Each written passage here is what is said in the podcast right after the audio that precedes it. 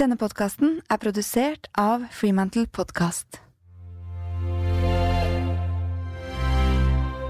Forventningene til meg selv har jeg alltid. Altså, jeg tror viktigste forventningen det er jo liksom at man klarer å treffe beslutninger, og det er kanskje en av mine sterkeste sider, at jeg er ganske god på å sette strek for diskusjonen og si at da går vi for dette.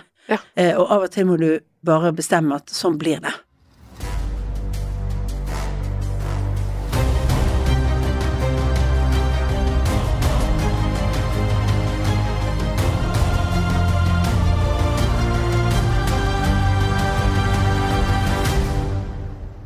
Jeg er mentaltrener Cecilie Ystenes Myhre, og i podkasten Grit skal jeg gi deg noe av hemmeligheten bak suksessen til ulike fremadstormende mennesker. Mennesker som har grit. Vi er kommet til sesong tre av Grit, og du kan glede deg til mange godbiter av noen episoder også i vår. I dagens episode skal du f.eks. få møte tidligere statsminister og Høyre-leder Erna Solberg. Så har vi også en twist på sesong tre, for i stedet for at jeg oppsummerer og deler verktøy i slutten av hver episode, vil du nå få en egen episode dedikert til dette. Der vil jeg trekke fram de delene av samtalen med gjesten som har mest grit-tematikk i seg, og ikke minst er den episoden kun dedikert deg som lytter, der du får øvelser og råd til egen utvikling, både profesjonelt og privat. Og for deg som har lyst på en repetisjon av hva grit er, så vil jeg anbefale at du lytter på episode to av sesong én, der jeg går gjennom forskningen på feltet. Så over til dagens gjest. Vi kjenner henne jo veldig godt da, som tidligere statsminister, for hun satt hele åtte år, før hun da nylig ga stafettpinnen over til Jonas Gahr Støre. Og vi kan vel trygt si at Erna fikk testet både sin ledermentalitet og grit under pandemien. Jeg gleder meg til å snakke med Erna om alt fra forventningspress, håndtering av kritiske røster og betydningen av å være målretta i krevende samtaler.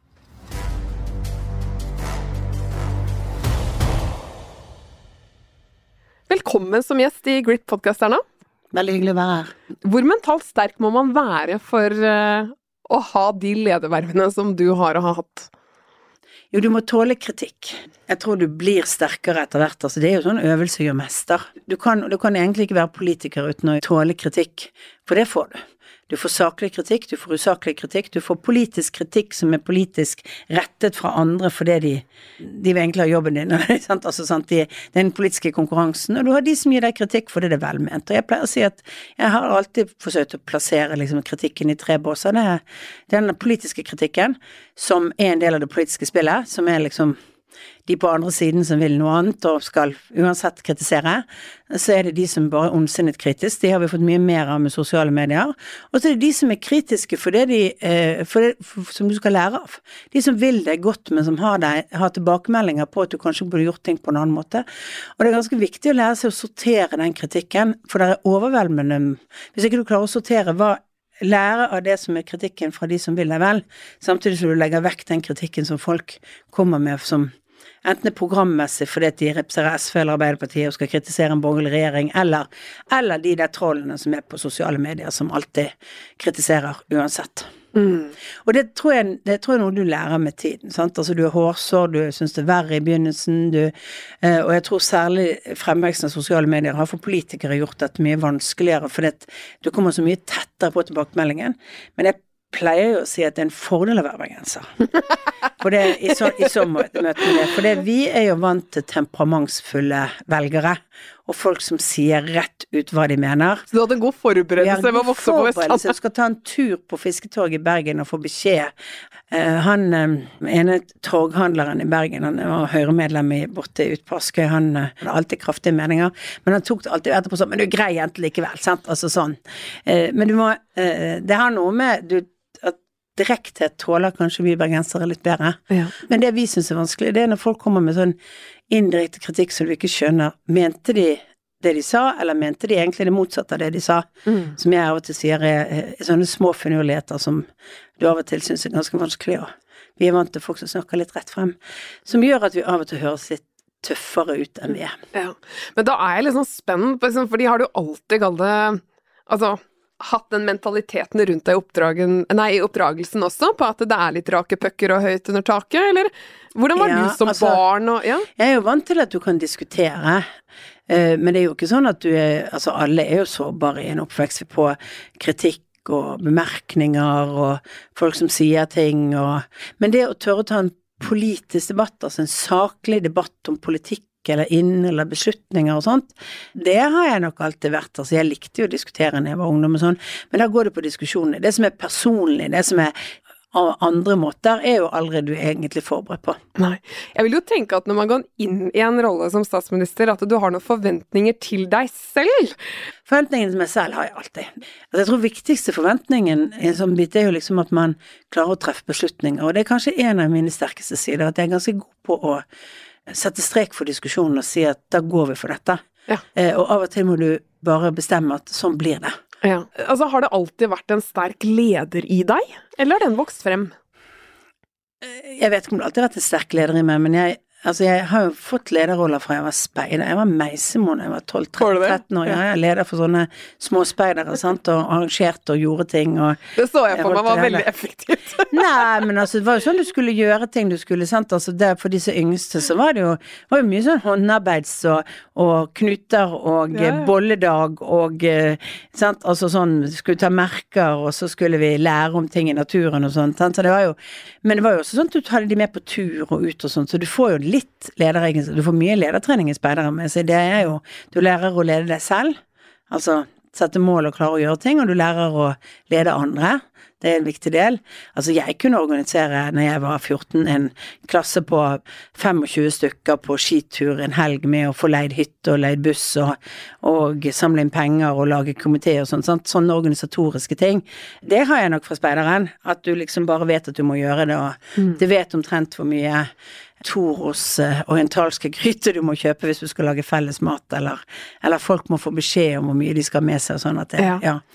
Og i det så, så lærer du jo ganske mye om å håndtere andre ting, sant, altså Og mennesker. Mm. og mennesker og ja.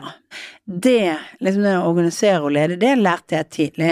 Eh, og så, uh, så i politikken så blir det jo litt eh, så blir det jo ofte snakketøy, der, sant. Mm. Eh, skriving og snakketøy som blir viktig, og, eh, og det utvikler man med å lære. Ja. Og jeg trodde jo aldri jeg skulle bli politiker. Jeg tenkte at det dette var, det? Nei, nei, jeg tenkte at dette var noe, noe som var gøy å gjøre. Jeg tenkte at uh, jeg likte debatten, jeg var interessert i samfunnet, jeg fulgte med på hva som skjedde. Og først forsøkte jeg meg litt sånn rundt og, og sjekket litt ut hva de forskjellige politiske grupperingene mente. Jeg var med i en jentegruppe på gymnaset hvor vi var opptatt av likestilling og alt sånt, og alle de andre var på venstresiden. Jeg oppdaget, og gjennom de jeg oppdaget jeg ikke tilhørte der. Ja. Fordi at jeg hadde mer tro på enkeltindividet og på Hvis vi bare fikk mulighetene og barrierene ble tatt vekk, og at, at det da var mulighet for å strekke seg. Ja. Men på et tidspunkt så, så står du jo overfor et valg om jeg skal bli partileder og ikke. Hva var det som gjorde at du gikk inn i det? Altså egentlig så ble jeg spurt av valgkomiteen jeg ble nestleder i 2002. Så ble jeg spurt av, av eh, den daværende valgkomiteen. Da var jeg kommunalminister, og de spurte meg om, om jeg hadde lyst til å bli nestleder, først nestleder i partiet, og da hadde jeg sittet i partiledelsen ganske lenge før, så var det en, stund jeg, liten stund jeg var vekk, for jeg var kvinnepolitisk leder, så jeg satt i arbeidsutvalget, jeg hadde vært Høyre-kvinneleder før det, og så fikk jeg barn, og da var jeg litt vekke liksom fra, fra de satt bare i Stortinget, eh, og så spurte de om jeg ville bli nestleder, og da sa valgkomiteens leder til meg på det tidspunktet, liksom sånn, og så sa de liksom sånn, men da må du være forberedt på at du også må kunne tenke deg å bli partileder på et tidspunkt, sant? For det, da valgte de egentlig å sette sammen en Bare meg og Per Kristian Foss som ble nestledere. Eh, liksom sånn at De tenkte liksom på avrekkefølge, de tenkte på at det skulle være et team som kunne jobbe tett sammen på det tidspunktet. Det var egentlig da, jeg da snakket jeg med Sindre, og så var vi enige om at, eh, at jeg skulle si ja. At eh, det er jo litt voldsomt når du er både har en jobb som minister, og du har to små barn som henholdsvis var fire og to år på det tidspunktet, eller fem og tre nesten da, sånn. Eh, men eh, så det var egentlig da avgjørelsen om at jeg hadde sagt ja, jeg opplevde at den store avgjørelsen var gjort om at eh, når eller hvis Jan skulle trekke seg i løpet av den neste perioden eller sånn, så eh, var jeg også kandidat til å bli partileder. Mm. Og det var litt sånn stemning i partiet. Jeg husker høsten før Jan bestemte seg for å trekke seg, så var det veldig mange som hadde spurt meg veldig stille. Ja. Men, eh, og da var det jo egentlig så den mentale runden hadde jeg jo tenkt på. Ja. Så er jeg ganske stor i kjeften noen ganger da, for det, altså litt sånn, fikk sånne intervjuer. Jeg liker ikke jenter som sier at Eller damer, da. Kanskje man da kaller meg dame som sier at nei, vi vet ikke, liksom sånn, sånn når det er jobb, sånn, så da ble jeg spurt når jeg da var kandidat til å bli partileder, så ble jeg spurt liksom ja, kan du tenke deg å bli statsminister og alt sånn, og liksom tror du du kan bli, ja, vil du og sånn. Og det må du jo ville, hvis du blir partileder i Høyre, så må du være forberedt på at uh, vår ambisjon var være største opposisjonsparti eller være i regjering, og da må du være forberedt på å være, være statsminister òg. Så jeg tok liksom sånne enkle veier som sa jeg har sett på de som har vært før meg, så jeg tenker det går greit, og sånne ting. Det var egentlig mest fordi at jeg ikke likte Ikke fordi at jeg ikke hadde ydmykhet i forhold til jobben, men det var jo litt fordi at jeg så rundt meg, og så Altså den derre i og for seg feministen i meg, da, som alltid mislikte de jentene som aldri trodde de var gode nok for jobben, eller alltid skulle unnskylde seg litt. Og jeg mener at det har vært en veldig dårlig kommunikasjon for en partileder i Høyre å si at en som vil bli partileder i Høyre, å si at nei, jeg vet ikke helt om jeg skal være statsminister. Mm, det går ikke. Du må ha nok eh, Tro og, og Ja, og du må projisere det. Du må få tørre å si det. sant? Ja. Swix er min annonsør, og det er jeg litt ekstra stolt av, for i 2020 stanset Swix all produksjon og kommersielt salg av fluorholdig skismøring. For fluor det er ikke bra for naturen i det hele tatt. Og ettersom det fremdeles finnes mye fluorsmøring der ute, har de også satt i gang et veldig bra initiativ for at vi skal bli kvitt alt av fluorsmøring i naturen. Så på swixsport.com kan du nå faktisk bestille gratis opphenting av din fluorholdige skismøring, uavhengig av merke. Og som takk for hjelpen får du et digitalt gavekort på 500 kroner som du kan benytte hos swixsport.com. Så alle sammen, bli med på dugnaden for en fluorfri natur. Bestill opphenting nå på swixsport.com slash fluorfri. Du snakker da om å tørre, og du må tåle ganske mye. Og da tenker jeg at motivasjonen må jo være høy for at du skal stå i det og finne mening i det. Så jeg lurer jo på, i bunn og grunn, da, hva er det som driver deg til å stå opp og tåle og tørre veldig mye mer enn veldig mange andre? Jeg tenker at Altså, jeg er jo da grunnleggende opptatt av at jeg kan gjøre samfunnet bedre og har lyst til å gjøre samfunnet bedre. Så min drivkraft er jo i og for seg den der steg for steg gjøre samfunnet bedre.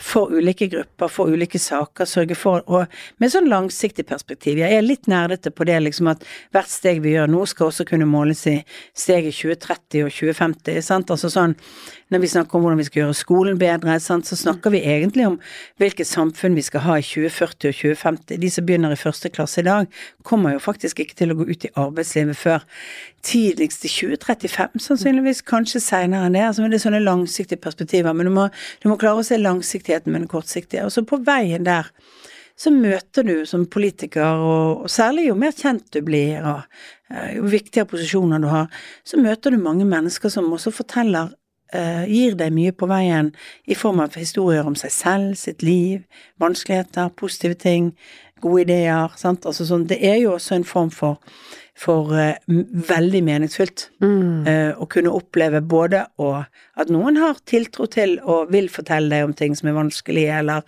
vil snakke med, gi innspill, og samtidig å vite at du kan på en måte være med på å pushe utviklingen i riktig retning. Mm. Når det har stått på som verst, har tanken kommet da er det verdt det? Jeg har aldri vært i noen sånne situasjoner hvor det har vært sånn at jeg har liksom tenkt at det ikke var verdt det.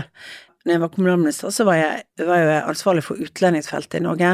Det var på et tidspunkt Nå har jo nettopp eh, mulla Krekar-saken liksom dyrt på TV denne vinteren, og vi hadde, jeg hadde jo hemmelig telefonnummer, jeg, sant, men jeg måtte jo sørge for at Men leiligheten vår oppdaget vi plutselig ikke hadde hemmelig telefonen, så sto den gamle sånn linjetelefonen inn til stortingsleiligheten. Den eh, var det plutselig noen som hadde Vi drev på og ringte på telefonen og sånt, eh, eh, liksom skulle snakke om sin asylsak eller andre ting, sant, og liksom plage Da var det jo også drapstrusler som gjorde at jeg fikk livvakter på det tidspunktet. Den gangen, altså når du er statsminister, så har du livvakter fordi du er statsminister, men den gangen fikk jeg livvakter fordi det var drapstrusler mot meg, og folk som ble Altså, var en, en fyr som ble dømt for drapstrusler mot meg og en annen.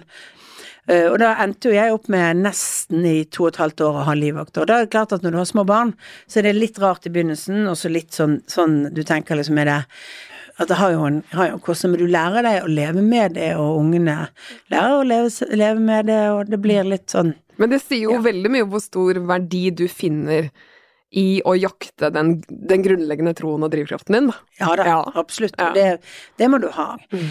Så tenker jeg at uh, det har jo økt på med, med liksom sånn Altså jeg er ganske robust, og jeg er veldig flink til å legge ting bak meg. Det tror jeg er den mekanismen jeg har utviklet best opp gjennom tidene. Ting du har gjort feil, eller ting som ble galt, eller ting som Eller folk som sånn, så må du bare legge det vekk, og så må du gå videre, og så ikke gå og gnuge på ting. Eh, Jeg har god hukommelse, men jeg pleier å si at jeg har, har veldig selektiv hukommelse. Det må du nesten ha som politiker, du må lære deg til det. Jeg syns det er ganske vondt for mange av de unge politikerne som forsøker sitt beste og kommer inn og løfter stemmene og får dette det jeg av og til vil kalle veggen eh, av eh, sur kritikk. Men jeg tenker at det der må det jo handle litt om hvordan du tenker, hva du sier til deg selv, hvilket fokus du setter. Da. Så jeg tenker så, Det var så interessant hvis vi kunne kommet litt inn i hodet ditt på som du sier, Når du har den selektive hu hukommelsen, da, så er det noe du har trent på. da. Hvordan er det du tenker øh, Hva er det du sier til deg selv for å legge ting bak deg og gå videre? Jeg vet ikke om du bare har trent på det. altså Det er bare blitt sånn at du må konsentrere deg om det som er viktig. Ja. Det er egentlig det du gjør. Du må konsentrere deg om det som er viktig, det du kan gjøre noe med. Jeg har alltid sagt at jeg pleier ikke å bli så veldig stresset. Jeg blir bare stresset over ting jeg kan gjøre noe med. Er det et fly som er forsinket, og det er ikke min skyld, men er jeg forsinket til et fly, så er det min skyld, sant. Da kan du bli litt mer stresset av det. Men er flyet forsinket og blir sittende, vel, det kan du ikke gjøre noe med, så ikke bry deg med det. Det er de tingene du kan gjøre noe med, som jeg tenker at det er det du må konsentrere deg om. Ja, og, og så finner du da veldig en rask en aksept da, rundt disse ting du ikke kan kontrollere og gjøre. Ja, Ja. Sant, det sitter mange mennesker som er sinte og sure for et eller annet, og de prosjekterer det mot deg eh, fordi du er statsminister, eller fordi du er Høyre-leder, eller fordi du mener akkurat det du er. Så tenker jeg at la de få utløp for det hvis dette hjelper psykiatrien i Norge. Jeg hører jo at du har eh, lært deg å forholde deg eh, ganske så rolig når du kan få noen, noen stikk, enten det er i en debatt eller en, eh, eller en heftig forhandling. Men, men når du er i de settingene da, hvor du kjenner at nå går pulsen opp ganske godt innvendig, hvordan er det du jobber med deg selv for å finne tilbake til den roheten, slik at du blir klar og tydelig i budskapet ditt? Det er jo noe med å svelge før du snakker. Det er litt vanskelig når du er politiker, for noen ganger skal du slåss om ordet. Og det blir litt sånn at man skal krangle. Samtidig så er det denne lille biten som alltid bare ligger bak i hodet ditt, at eh, de som ser på, liker ikke kranglete politikere. Programlederne liker kranglete politikere. Journalister skal kommentere etterpå, liker det, liker det. Men folk liker egentlig å høre budskapet. Eh, Så jeg tenker, altså det er kanskje litt sånn at det er innøvd. Jeg lærte veldig mye for noen år tilbake, særlig på TV, at hvis du er to stykker i en debatt, så får du jo ordet. Og da skifter fokus og kamera. Da har jeg lært at da skal jeg vente med å svare når jeg får et nytt spørsmål, eller skal svare til kameraet er over på deg. Og det går rett og slett på hvis ikke så mister, mister folk det fokuset, sant. Og det gir deg den der muligheten til å tenke to ganger på hva du skal si. Ja. Men jeg synder jo innimellom, jeg også, sant. Jeg Du er menneske, du avbryter- Jeg avbryter jo av og til og sånn. Eh, Og særlig er det liksom hvis folk tviholder på ordet kontinuerlig. Men det dreier seg liksom om, om å, før du går inn, være fokusert på hvem budskapet er. Ja. Og jeg vet ikke helt hvordan man kan si liksom, kan du øve på det, jo, men du må hele tiden bare ha det i hodet. Mm. Jeg, altså, jeg kommer aldri til å overbevise Jonas Gahr Støre at han skal stemme på meg, men jeg skal gjerne overbevise noen folk om at det er bedre å stemme på meg enn på Jonas Gahr Støre, og da er det det de, de er opptatt av. Ja. Du må hele tiden minne deg på hvem er det jeg snakker til, hvem er det ja, eller hvem er det jeg forsøker å overbevise nå, hvem er det jeg snakker til.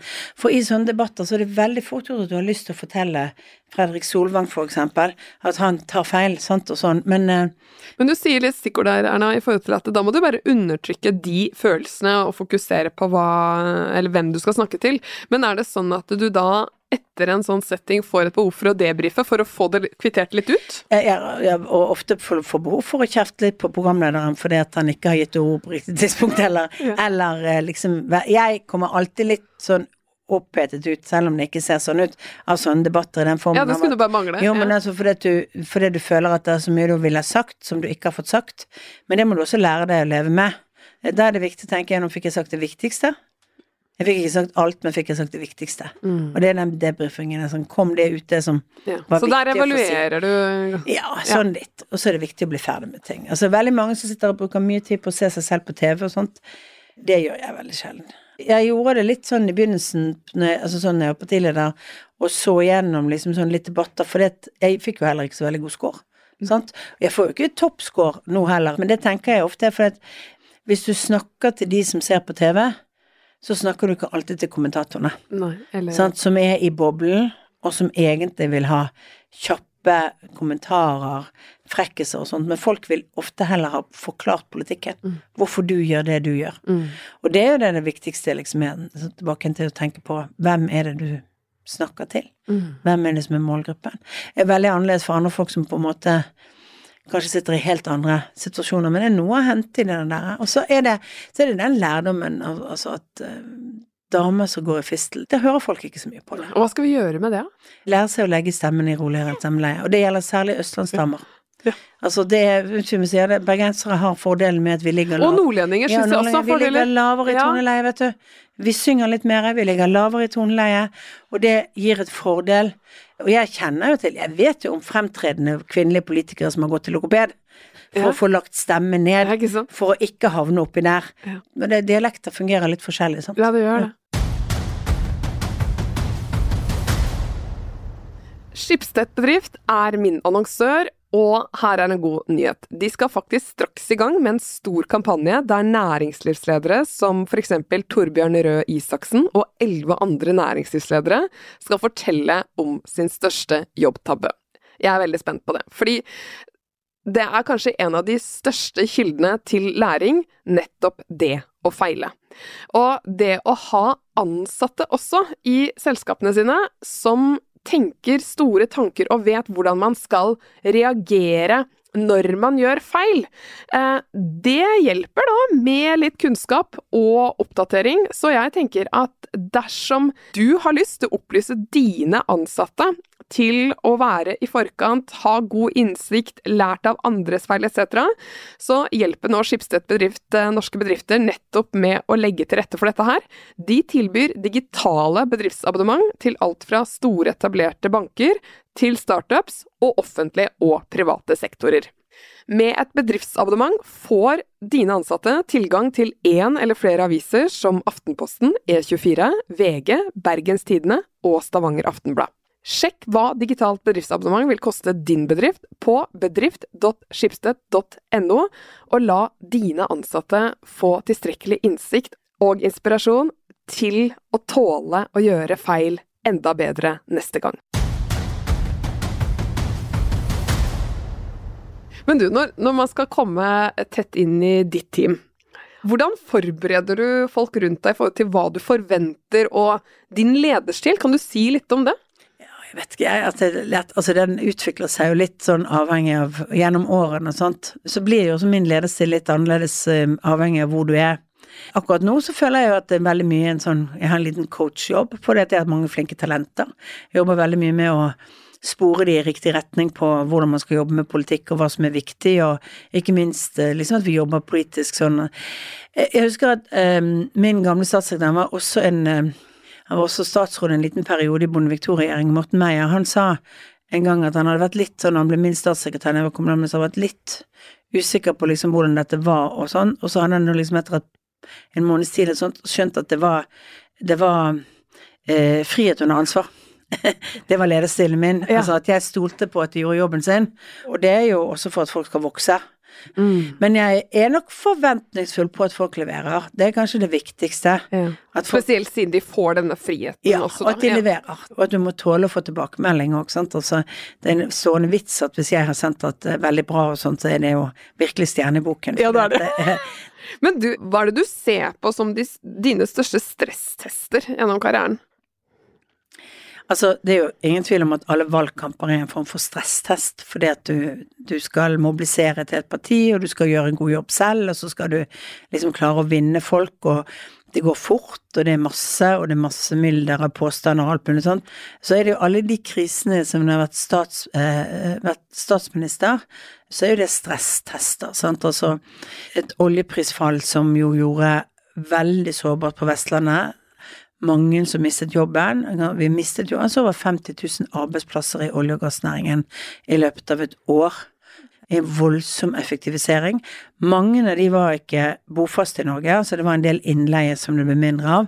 Og det var mange selskaper som måtte snu seg rundt og finne andre. Og det er en sånn stresstest, for du skal finne de riktige, altså du skal finne de riktige virkemidlene du skal Og du har hundrevis, eller ikke hundrevis, men du har i hvert fall et titalls organisasjoner som er veldig opptatt av at akkurat nå så er det min sak som er viktigst. Så at Pengene bør gå til det, jeg jobber med. Mm. Av og til må du være nøktern på det. Den eh, situasjonen vi hadde på grensen til Russland, og vi hadde flyktningtilstrømningen eh, Det er tre FSB-stoppunkter på veien til den grensen. Russerne kunne stoppet denne strømmen hvis de ville. Mm. Eh, Vi tror ikke det var et russisk undergravingsprosjekt, det tror jeg ikke jeg, og det tror jeg, jeg tror vi alle var enige om at det ikke var, men vi tror jo at det var en sum av korrupsjonen, Mm. og eh, noen organiserte, og at noen i det offentlige systemet også så gjennom fingrene. Og når det først begynte, så, så tror vi testet oss for å se hvilken reaksjon, Mm. hvor raskt vi ville reagere. Mm. Så det er klart at pandemien står i en helt særstilling rundt Mm. liksom sånne beslutninger under Men det er mange sånne Men jeg sier valgkamper er jo alltid en sånn Jeg syns det er veldig gøy med valgkamp. Samtidig så er det jo også Det er jo kontinuerlig litt sånn stressende på motargumenter, debatter Ja, Ja. mye som skjer. Og da lurer jeg litt på, fordi at eh, selv om lytterne av denne podkasten ikke nødvendigvis skal i en eh, debatt med én million seere, så, så det å stå i enten det er i en forhandling eller debattere med en annen person, som kan gå over til å bli litt stygt, for det er da det kan bli veldig krevende, hva vil du råde til en sånn person? Og ja, hva er det du har av tips og råd til en sånn person som kan stå i en sånn setting hvor det blir veldig heftig? Ja, men du må, du må tenke gjennom hva er det du skal oppnå, hva er det som er, hvem er det som er publikummet ditt, hva er det som er, sant. Og det, det er den lærdommen du må ha som er Jeg også synder mot det av og til, at det er ikke programlederen, og det er ikke motstanderen.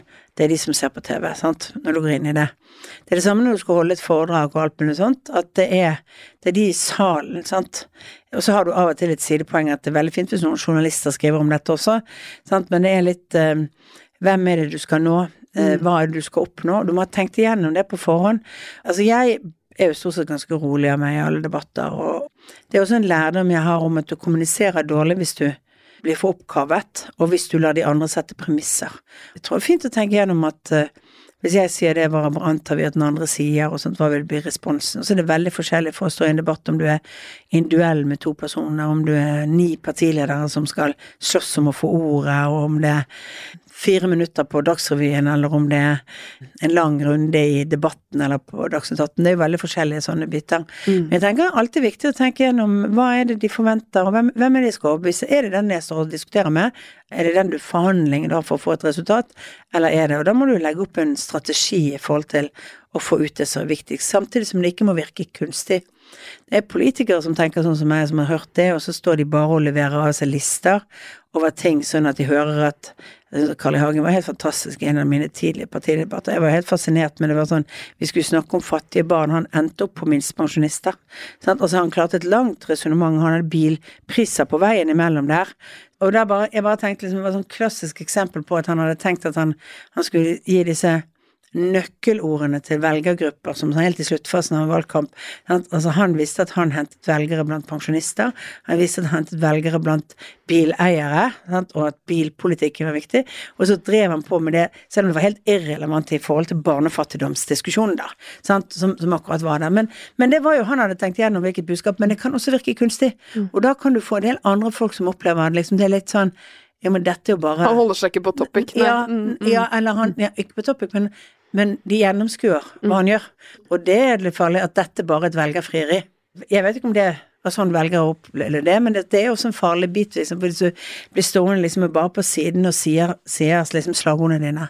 Så du, du, som politiker så er det Men jeg tenker at det viktigste er å tenke igjennom hva du skal oppnå. Mm. Altså, om det er en forhandling, så må du jo tenke igjennom hva det skal til for å overbevise, eller skal du forhandle, bare sørge for at du har fått tydeliggjort dine premisser. Mm. Men hvis det blir spist og sånn, så mener jeg alltid at det er lurest å være rolig.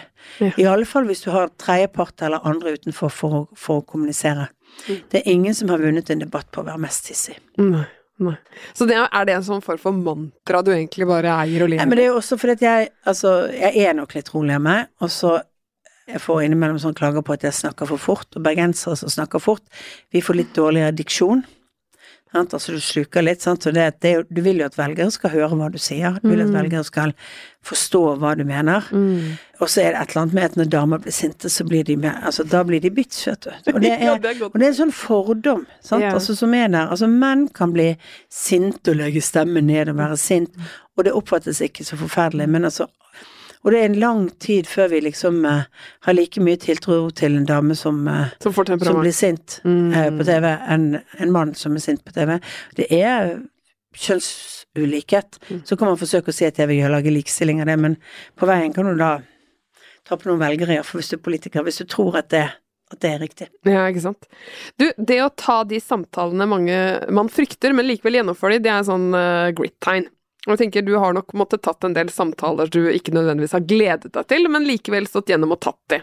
Kan du fortelle litt om hvordan du forbereder deg til å gå inn i sånne prosesser?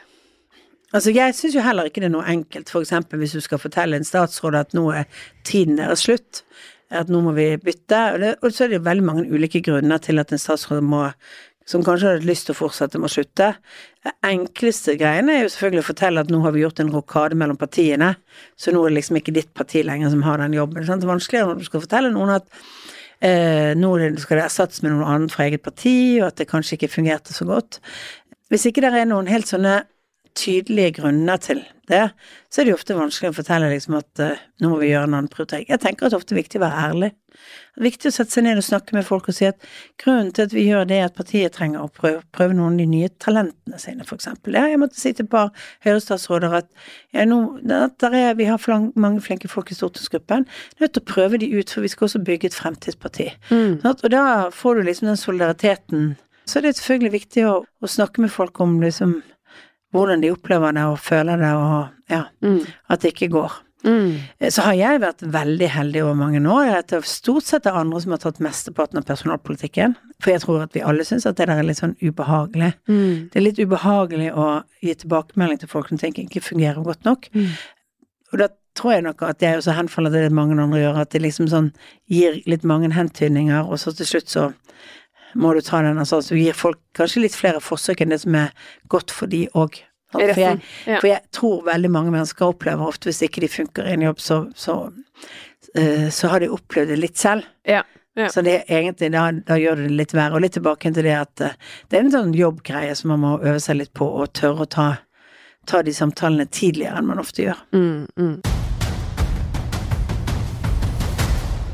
Dagens Næringsliv er også min annonsør, og nå trenger de din hjelp til å finne et knippe viktige personer. Personer med stemmer vi alle bør lytte til i årene som kommer. Stemmer som kanskje kan få oss helskinna ut av klimakrisen, og eller stemmer som eksempel engasjerer seg i arbeidet for mindre fattigdom og mer likestilling. Helt konkret så leter DN og D2 etter 30 mennesker under 30 år som, og jeg siterer, gjennom gode ideer, handlekraft eller lederegenskaper dytter verden i mer bærekraftig retning. Jeg snakker selvfølgelig om årets ledestjerner, og nå kan du være med å nominere. Så vet du om noen som passer beskrivelsen, så nominer. Dette er en gyllen mulighet til å gi noen den oppmerksomheten de fortjener for det arbeidet de gjør. Jeg har allerede noen i tankene. Se mer og nominer din ledestjerne på dn.no slash ledestjerner. Men du, jeg tenker sånn, toppolitiker, da jobber du innmari mye. Hvor henter du energi utover å jobbe, da, for å bare få kanskje den pustepausen til å komme tilbake og gyve på igjen? Jeg tror kanskje den viktigste måten jeg henter energi på, det er å treffe mennesker. Jeg får mye ut av å reise og snakke med folk rundt omkring, og bare drikke kaffe og høre hvordan de har det, eller, eh, eller liksom besøke og se bedriften deres. Så du skal ikke kimse av hvor mye energi det faktisk gir å være i den direkte dialogen. Eh, Der tror jeg vi er veldig forskjellige. Det er mange politikere som liker å sitte på kontoret og tenke, eller som liksom liker den politiske debatten, men ikke liker å møte folk. Jeg liker egentlig å møte folk bedre enn jeg liker alt det andre. Og da er det jo litt det samme på privaten òg. Det er av og til å ha, kunne melde meg ut og være Erna, og ikke være statsminister eller Høyre-leder eller et eller annet sånt. Da er det jo Og jeg har gode venner som eh, egentlig snakker ekstremt lite politikk når jeg er sammen med det. Det, det kan bli venninner som snakker om barnebarna sine nå, etter hvert noen, eller hunden sin, eller uh, andre ting, eller hva de har lyst til å gjøre. og Men da lurer jeg så fælt på, hva er liksom hovedforskjellen på hun-Erna og Erna sånn som vi kjenner deg? Det er ikke så veldig stor forskjell. Er det ikke? Nei. Nei. Eh, Bortsett fra at jeg tror nok jeg vil oppfattes som at jeg melder meg litt mer ut på privaten enn jeg gjør som politiker. Og det, det er nok fordi at jeg ofte litt lei av å ha meg selv i sentrum. Ja. Og derfor så eh, føler jeg liksom at jeg av og til liksom syns det er bare fint å sitte i et selskap og Lytte og lytte på andre og høre og ikke liksom skulle være så verste selskapene jeg kommer i, det er de selskapene hvor jeg får noen ved siden av meg som syns at det å snakke med meg og min jobb er det viktigste i livet. Altså da Det er jo oppskriften på hvordan jeg liksom syns at det at jeg blir tappet for krefter hvis jeg er på et sånt sosialt lag. Altså ikke sånn den høflige biten, men sånn som virkelig gjerne vil diskutere en politisk sak, særlig hvis jeg har drukket litt, sant, sånn, tenker jeg det der er ikke Ikke tid og sted. Nei, ikke tid og sted. Ja. Men tenker sånn, hvis man er en type som er ambisiøs, da er det jo ofte sånn at man også må jobbe en del. Men jeg opplever jo at en sånn stor bestilling i, i, i næringslivet i dag, det er jo hvordan kan jeg få en bedre balanse mellom jobb og fritid.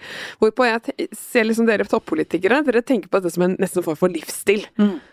Dere kommer ikke med den bestillingen, hvordan kan jeg få Altså, det, det er noen grunnprinsipper her. Dere Nei, lever altså, du, ja, du, ja. Men, men altså det er jo det, det har jo noe med at vi har fått hobbyen vår som jobb. Ja. For det betyr jo at vi er, vi er jo litt sånn oppslukt av dette, de aller fleste. Men jeg tror jo det at Det har jo også noe med at politikk er jo hele samfunnslivet.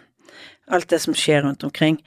Og det blir litt annerledes enn å sitte liksom i ett fagområde. Jeg tror, jeg tror nok mange politikere sitter på Stortinget vil, vil si at ja, de er politikere hele tiden, men de er ikke medlem av justiskomiteen hele tiden, eller medlem av helsekomiteen hele tiden. Altså de sitter ikke og nerder på saksfeltet sitt hele tiden når de er fri, men de vil gjerne diskutere andre deler av politikken og situasjonen i utlandet eller andre ting.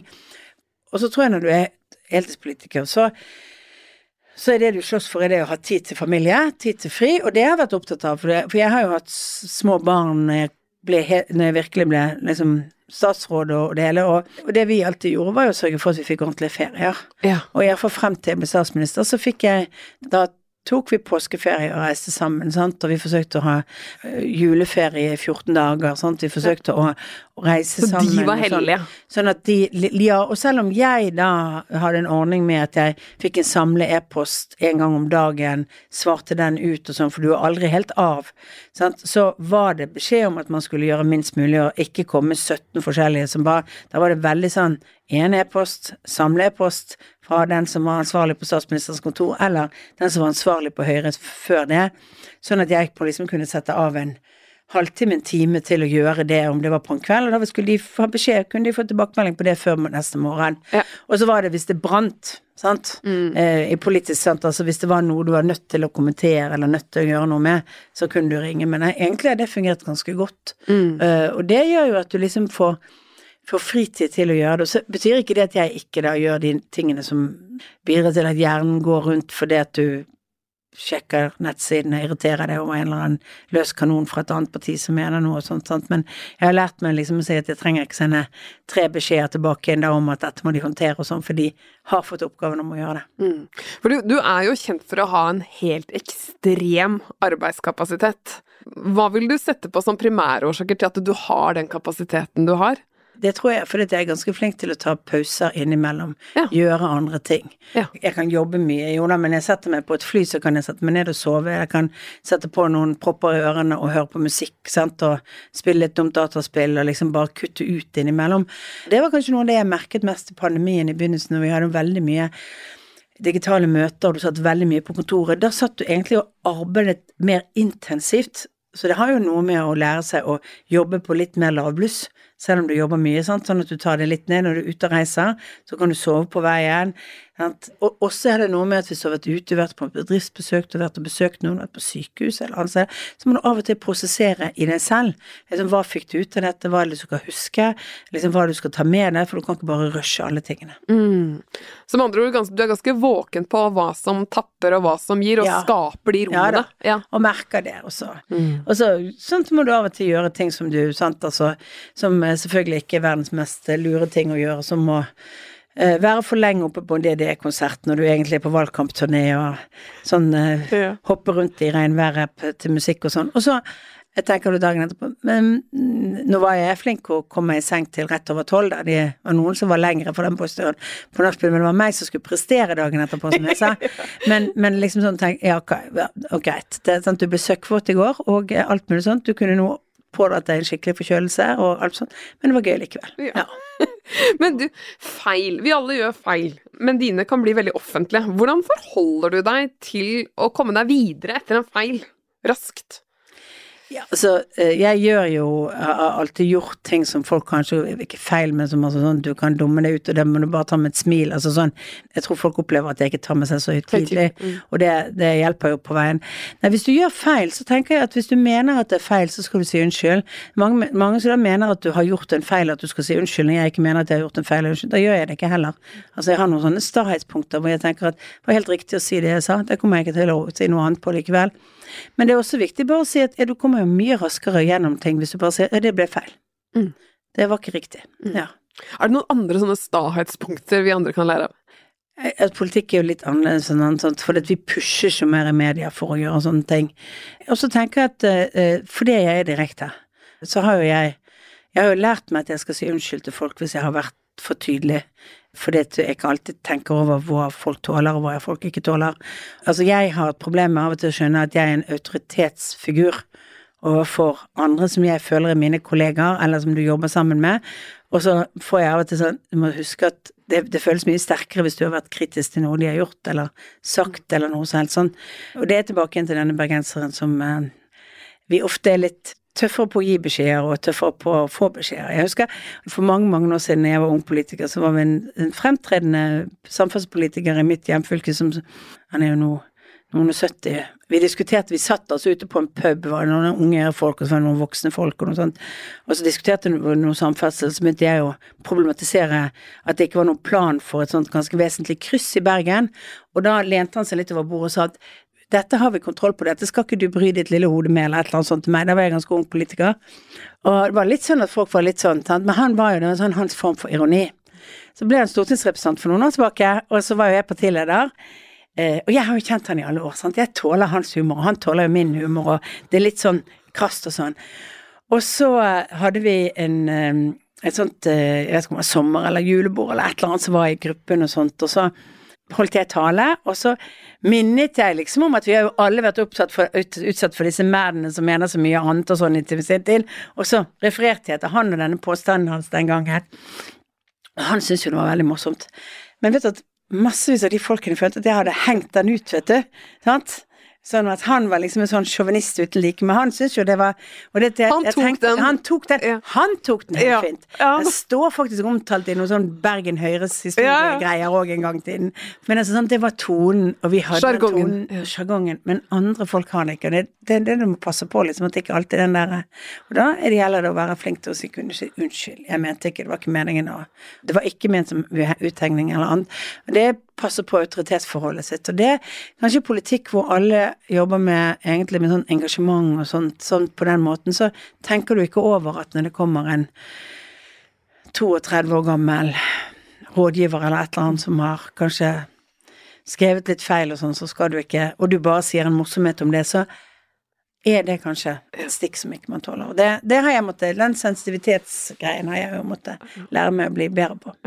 Når det er sagt, så må jeg si det er befriende herlig ærlig å ha en veldig direkte toppolitiker som deg. Jo da. ja. Da, og det er ikke Jeg mener jo at folk tåler også å høre nei. Men vi kan ikke løse alle problemer. Tusen hjertelig takk Mm. for veldig mye gode råd og refleksjoner, Erna. Takk for at du kom. Bare hyggelig. Det var samtalen med selveste Erna Solberg. Jeg syns dette var spennende. Det var først og fremst spennende å høre om hvordan hun har trent opp en sterk robusthet over tid, ha en selektiv hukommelse, som hun kalte det, og ikke minst eh, hennes evne til å ha fokus på det som er innenfor hennes kontroll, og sette kritikk i ulike kategorier. Mange takeaways der, altså. Men du, eh, tune inn neste torsdag også, for der går vi enda litt mer i dybden på samtalen med Erna, der du skal få vite mer om hvordan du kan ta bedre beslutninger under press, tåle kritikk og få mentale øvelser som eh, gjør at vi kan få en god overføringsverdi fra vår tidligere statsminister inn i din hverdag. Ha det bra så lenge. Har du lyst til å lære mer om mentaltrening og grit? Da kan du lese mer i boken min Mental styrketrening, eller boken Stå støtt som kom ut i 2021. Du kan også gå inn på rawperformance.no og lese mer om hva vi tilbyr av tjenester der. Alt fra én-til-én-samtaler, kurs, foredrag og utdanning.